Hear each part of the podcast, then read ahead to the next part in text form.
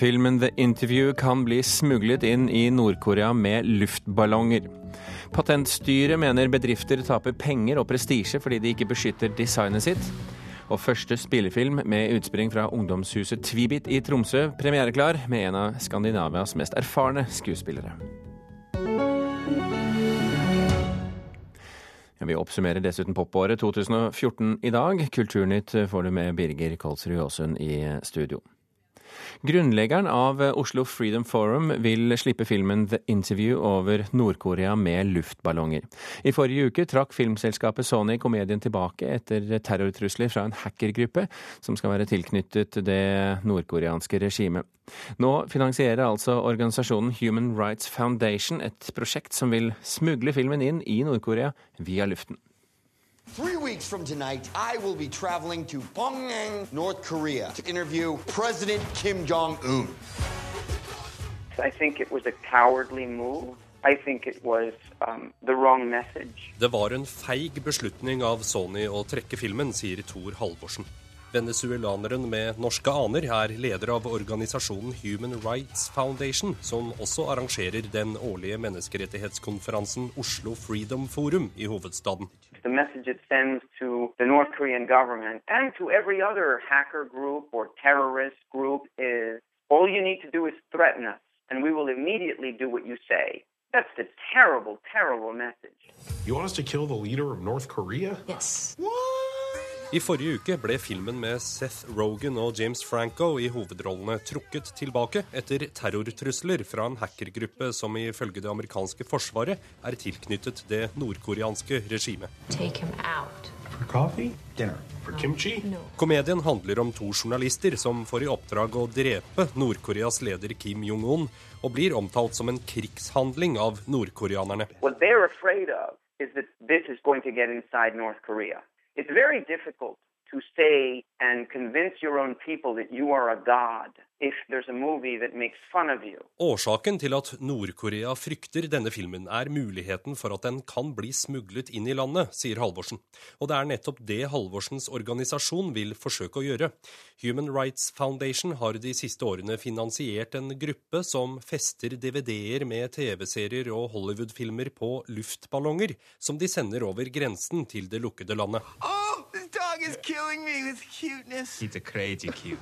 Nå håper Halvorsen at de kan få sluppet den lettbeinte, men kontroversielle komedien The Interview over Nord-Korea. The movies are so threatening to the government that, you know, just this year, 80 people have been executed for watching South Korean shows that have been smuggled into North Korea. So that gives you an idea of, of. Men det kan bli vanskelig å få gjennomført prosjektet, siden Sony foreløpig ikke har noen planer om å gi ut filmen på DVD. Human Rights Foundation er nå i samtaler med noen av skuespillerne i filmen som liker ideen. They have liked what they have read and seen in the media, and um, some of them have expressed an interest in, in participating in our activities and helping us. Og dersom de ikke lykkes med å sende The Interview over den nordkoreanske grensen, kan andre filmer gjøre samme nytten. Ja, da tar det jo deg òg. Du kan ikke redde alle, Max. Um, it could be a movie like Max Manus, or it could be Kontiki. It could be any movie um, that will, will give them a sense that there's an entire world out there that they don't know anything about. Ja, Det finnes mange filmer, som f.eks. Max Manus, som kan vise nordkoreanere at det finnes en hel verden der ute som de ikke vet noen ting om. Det sa Tor Halvorsen i Human Rights Foundation til slutt. Reporter her, det var um, Halvor Haugen. Og skal vi ta med at Sonys advokat David Boyce sier til NBC-programmet Meet the Press at filmen The Interview kommer til å bli vist, men foreløpig har de ikke funnet en løsning som ivaretar rettighetene og sikkerheten til både ansatte og publikum.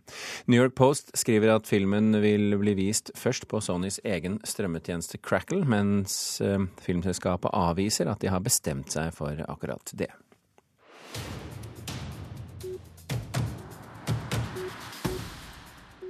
Norske bedrifter taper både penger og prestisje når de dropper å registrere designet sitt. Det mener Patentstyret. I Danmark og Sverige søkes det om dobbelt så mange designbeskyttelser som i Norge, justert for folketall. Vi tenker at norsk næringsliv godt kunne ha vært mer aktive på det området her. Det sier avdelingsdirektør Bernt Boldevik i den statlige etaten Patentstyret, som gir rettigheter til bl.a. ny design. Det ligger ofte store investeringer bak eh, utvikling av en design. Eh, og da er det noe med å beskytte den verdien. Eh, og vi ser jo det at eh, ved å ha en designbeskyttelse, så er det med på å øke verdien på bedriften din. Og du er mer attraktiv overfor samarbeidspartnere og investorer. Og så er det naturligvis det med at det kan forebygge konflikter. Hvis du viser at du har en rettighet, så vil andre være oppmerksom på det og, og i større grad holde seg på avstand eller, eller, respektere den rettigheten. Men likevel er det bare søkt om ca. 600 designbeskyttelser hittil i år, omtrent det samme antallet som i fjor. Og tilsvarende tall i, eh, i Sverige og Danmark er om, omkring dobbelt så høy. Det kan godt være at det er en, eh, en, holdning, altså ulike holdninger rundt det. Det sier Andreas Erlandsen i Foreningen norske industridesignere. Han tror mange nordmenn lar være å registrere designet fordi de føler at det skal mye til for å vinne fram i en rettslig tvist. De gangene vi har hatt behov for å eh, kan du si, gå etter noen, eller de gangene vi har sett at noen har eh, etterlignet oss, så har det ikke vært en direkte kopi. Eh, det har vært noe som ligner, og da ligner det ikke nok til at det er dekket av en eh, designbeskyttelse. I tillegg koster det penger, påpeker Erlandsen. For selve registreringen må man ut med 1900 kroner for en periode på fem år, og deretter enda mer for å fornye den for fem år av gangen.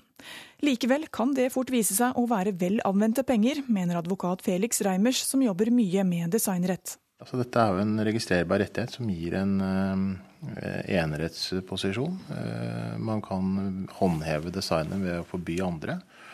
Og ved å registrere det, så får du da et registreringsbevis, som da er et objektivt bevis, som du kan presentere for rettssystemet. Reporter her, det var Une Marvik Hagen.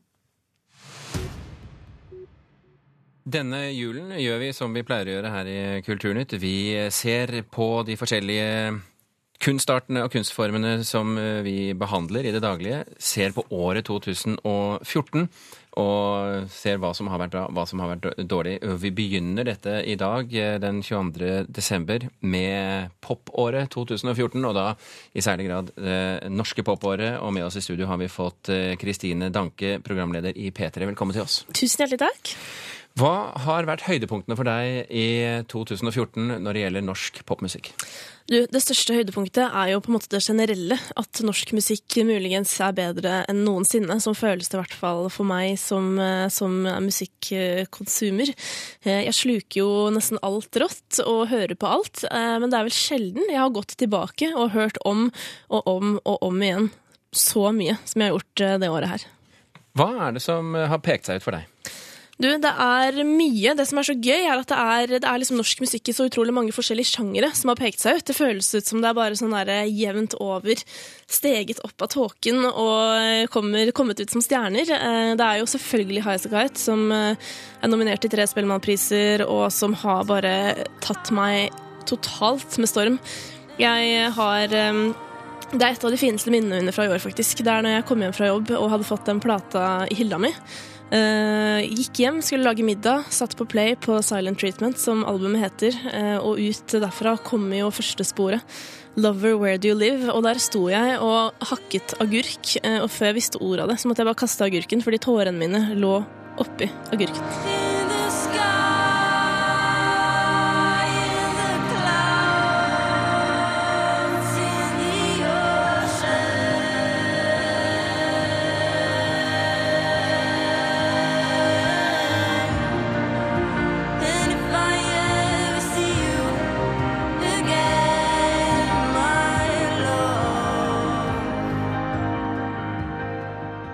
Dette var altså High Kite eh, fra deres eh, album som kom i år. Hvilke andre norske artister er det du har eh, plukket ut for å nevne i dag? Du, det er jo, jeg har lyst til å ta opp én ting fordi det er noe som ligger mitt hjerte nær, og det er jo elektronisk musikk. Den norske elektroniske musikken har jo virkelig tatt av på verdensbasis i år. Og det er utrolig gøy å se. Det er jo stadig flere norske artister som har reist over til USA, som jo selvfølgelig er råsugende på norsk elektronisk musikk etter det de har sett eh, Kygo har fått til. Eh, men det fins jo mange andre. Det fins jo Lido Lido, som vi jo kjenner som liksom rapper fra tidligere, som har begynt å produsere elektronisk musikk og gjør det helt utrolig bra. Han har nettopp kommet hjem fra Australia-turné eh, med sitt DJ-prosjekt. Vi har jo Cashmere Cat, vi har eh, Drippin som bor i Bergen og som er super up and coming. Og så har vi jo selvsagt Todd Terje, som jo har gitt ut sitt debutalbum i år etter veldig, veldig mange år som aktiv produsent. Og det har jo fått veldig, veldig mange anerkjennelser verden over. Så det er jo helt utrolig gøy. Og så er det også fint, syns jeg, å jeg føler det liksom er en eller annen sånn norsk lyd, det som Emilie Nicolas driver med. For det er jo masse elektroniske elementer inni det. Samtidig så er det jo altså en vokal eh, fra himmelen sendt, eh, blandet med liksom fantastiske tekster og melodier. Så disse damene, altså, de har virkelig slått til i år. Gabrielle også, som jo har vært eh, en artist som jeg Jeg har elsket Gabrielle siden hun var med både i Idol og X-Faktor. Eh, og jeg syns hun har måttet jobbe kanskje litt for mye opp igjennom tiden for å få den anerkjennelsen hun fortjener. Eh, og derfor så varmer det jo selvfølgelig mitt hjerte veldig, veldig, veldig mye å se den anerkjennelsen hun har høstet etter et svært bra år eh, og den utrolig kule låta 'Fem fine frøkner'.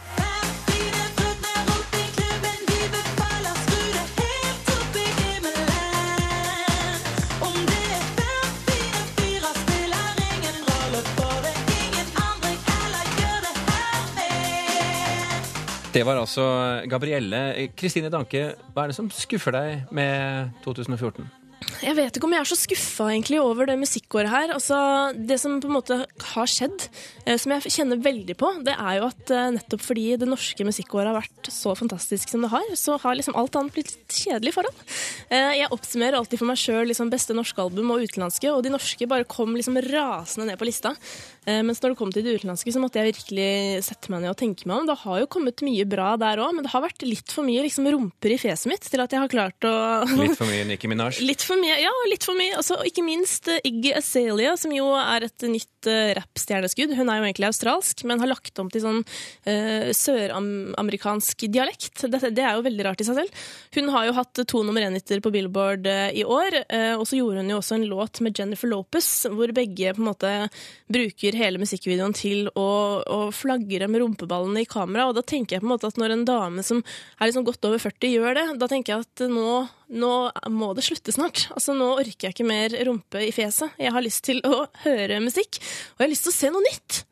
Er det noe nytt på trappene i 2015 som du gleder deg til? Du, Det gjenstår jo å se. Eh, jeg føler at eh, det som er litt interessant for tida òg, er jo at eh, det er faktisk veldig vanskelig å forutse hva som skjer. Før så kunne man i mye større grad liksom spå neste år, eller nå ser vi at dette og dette rører seg i undergrunnen og kommer kanskje til å komme frem. Men sånn musikkverden er i dag, at liksom alle kan legge ting ut på internett Jeg mener, hvem var norske Kygo i januar i fjor? Han var, altså Ingen visste hvem han var. Han, på, han studerte økonomi i Edinburgh eh, og eh, lastet opp noen sanger på Soundcloud. Og jeg mener, i dag så er han jo en verdenskjent stjerne. Så det er jo sånn Hvem hadde forutsett det? Det er umulig å forutsette, forutse hva som skjer. Men det jeg liker litt av den trend som egentlig har starta, eller kommet tydelig frem i år, det er jo at uh, at det ikke er så mye bråk lenger. Altså, det virker som fokuset er litt tilbake på det melodiske eh, og det rytmiske, liksom heller enn den der veldig sånn voldsomme lyden som eh, vi ble kjent med i fjor, kanskje aller først. Eh, hvor det ble tatt inn eh, liksom, Hvor det virka som alt skulle være på en måte mest mulig sånn crazy. Eh, og dramatisk og oppsiktsvekkende, mens nå er det liksom ting som tyder på at ting at hva skal jeg si, eh, musikken har blitt uh, mer behagelig. Jeg vet ikke. Jeg liker jo at for eksempel Det er jo det er fint å se at folk danser til Kygo, da, at det ikke må være så voldsomt hele tiden. At det kan være fokus på melodier. Kristine Dauke, takk for at du kom til Kulturnytt. Selv takk.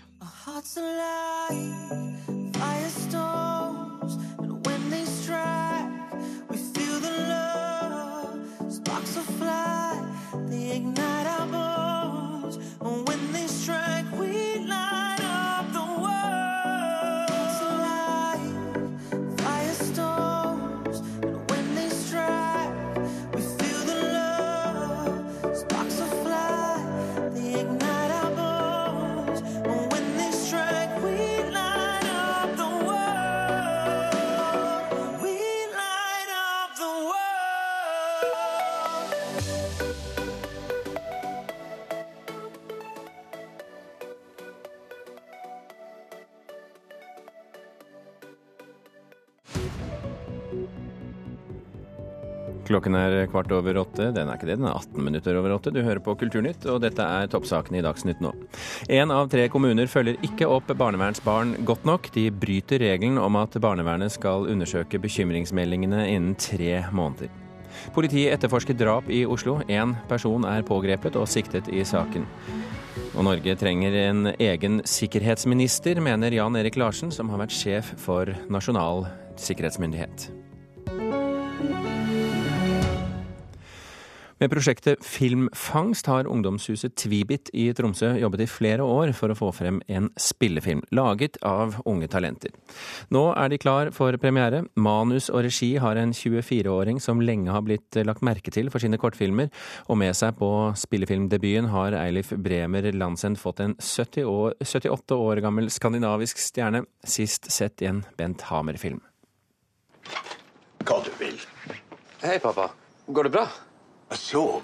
Dansk-norske Bård Ove topper rollelista på spillefilmen 'Stup', som har premiere under Tromsø internasjonale filmfestival i januar. Jeg vet ikke, Det er noe med ansiktet hans som er så utrolig spesielt. Veldig innholdsrikt ansikt. da. Og så artig å ha med en person som er så si, gammel og erfaren og, og respektert. da. Det måtte overtalelser og en reise til Danmark til for at Ove skulle si ja til å være med i debuten til Tromsø-regissør Eilif Breme Lansen. En lavbudsjettfilm med utspring i filmveksthuset Tvibit. En film uten såkalt profesjonelle bak kamera. Vi har vært veldig heldige med å involvere utrolig mange talentfulle og erfarne unge folk. da. Vi har jo aldri lagd en spillefilm før, så vi må jo bare finne, finne, ut og gjøre det på vår måte, på det som har passa best for oss. Det første filmfangstprosjektet var i gang allerede for ti år siden.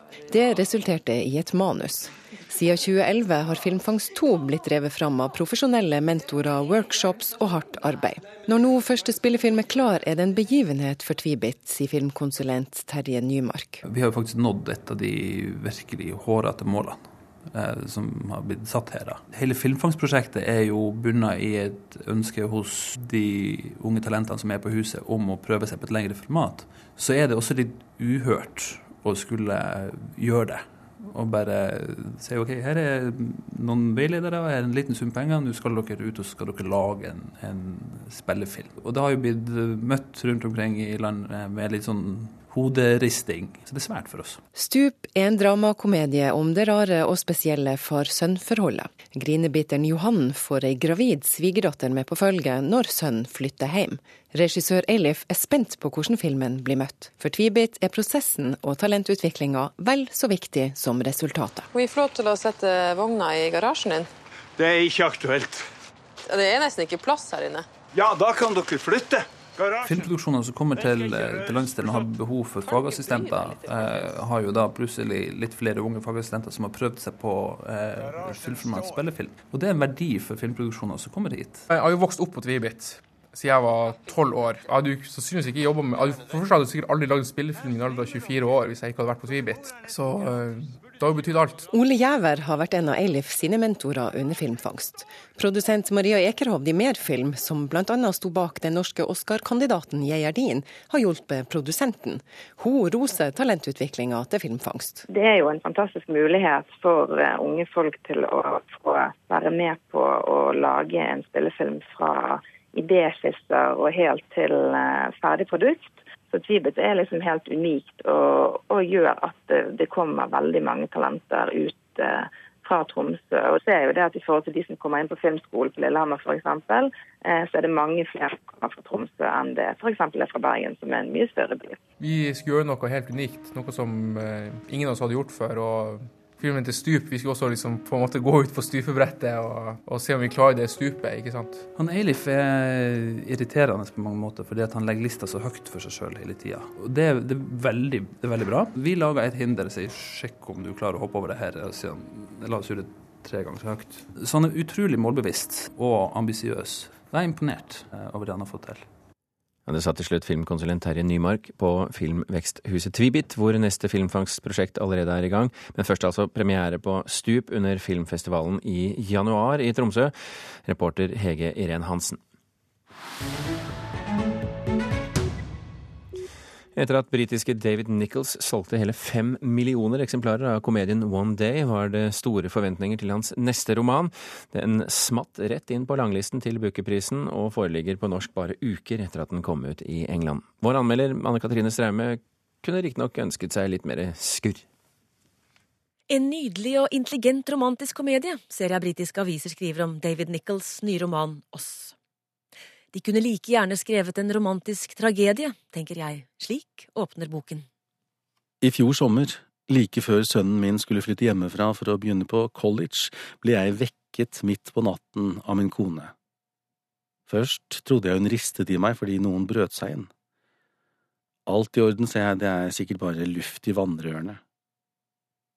Hva er det du snakker om, sa Connie, hun hadde satt seg opp. Det er i orden, ikke noe tegn til innbrudd.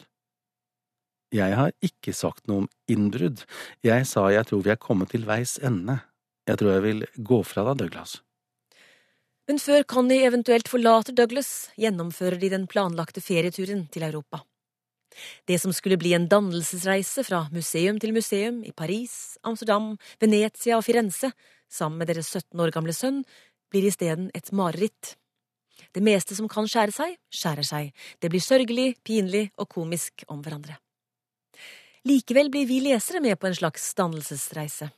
Samtidig som Douglas filosoferer over kunst, livet og kjærligheten, gjenopplever han det snart 25 år lange samlivet og den første forelskelsen i lange tilbakeblikk. Det er ikke vanskelig å se at de to måtte vokse fra hverandre. Det er ikke vanskelig å kjenne seg igjen heller.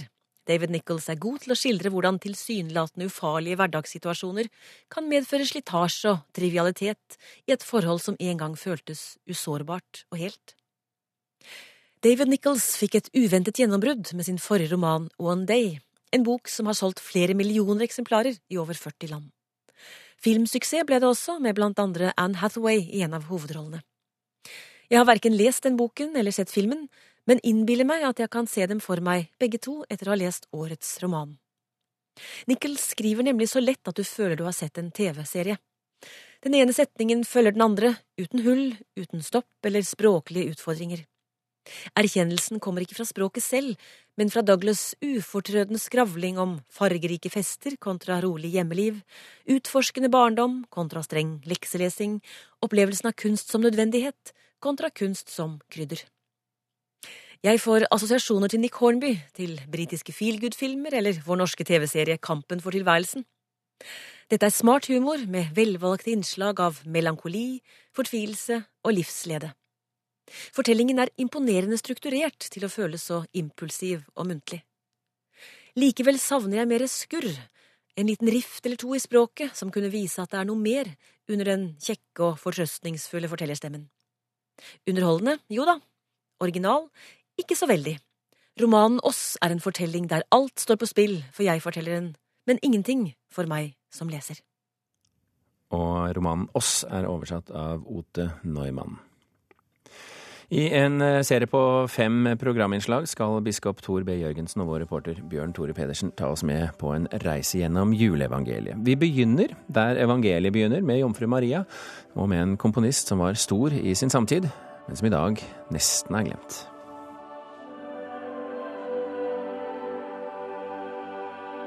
Vi skal starte vår musikalske reise gjennom juleevangeliet i Frankrike, og vi skal langt tilbake i tid.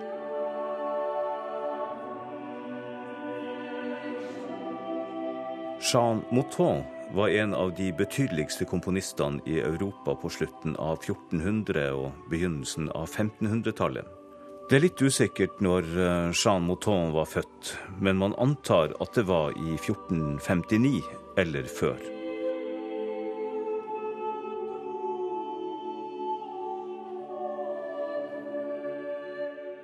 Ja, dette er vakkert. Og i de senere årene har denne motetten blitt trukket fram i lyset under pilegrimsreisene til Santiago de Compostela i Spania. Det er verdt å merke seg.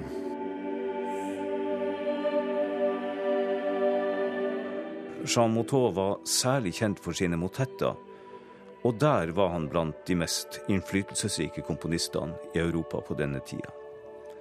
Og det er jo forståelig når vi hører denne vakre motetten om jomfrumora som fødte uten smerte. Hun fødte uten smerte og uten mann. Det er en gammel juleantifon, en vekselsang, som hyller Maria.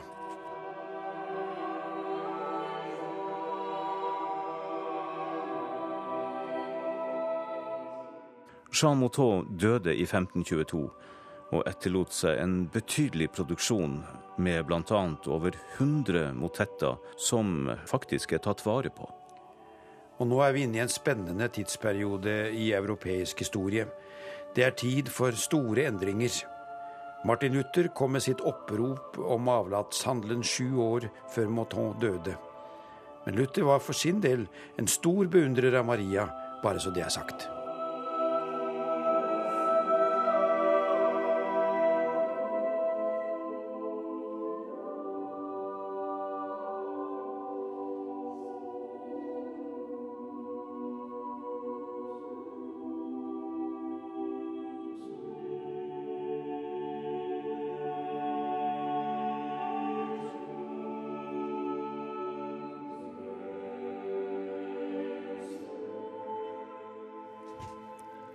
Vi hører her motetten 'Nessien Mater' av den franske renessansekomponisten Jean Mouton. I juleserien vår i morgen skal vi ta for oss polsk barokkmusikk av komponisten Marcin eh, Milcheski. Og dermed takker Kulturnytt for seg eh, i dag. Hilde Tosterud, Thomas Alvarstein Ove og Birger Kålsrud Aasund takker for eh, følget.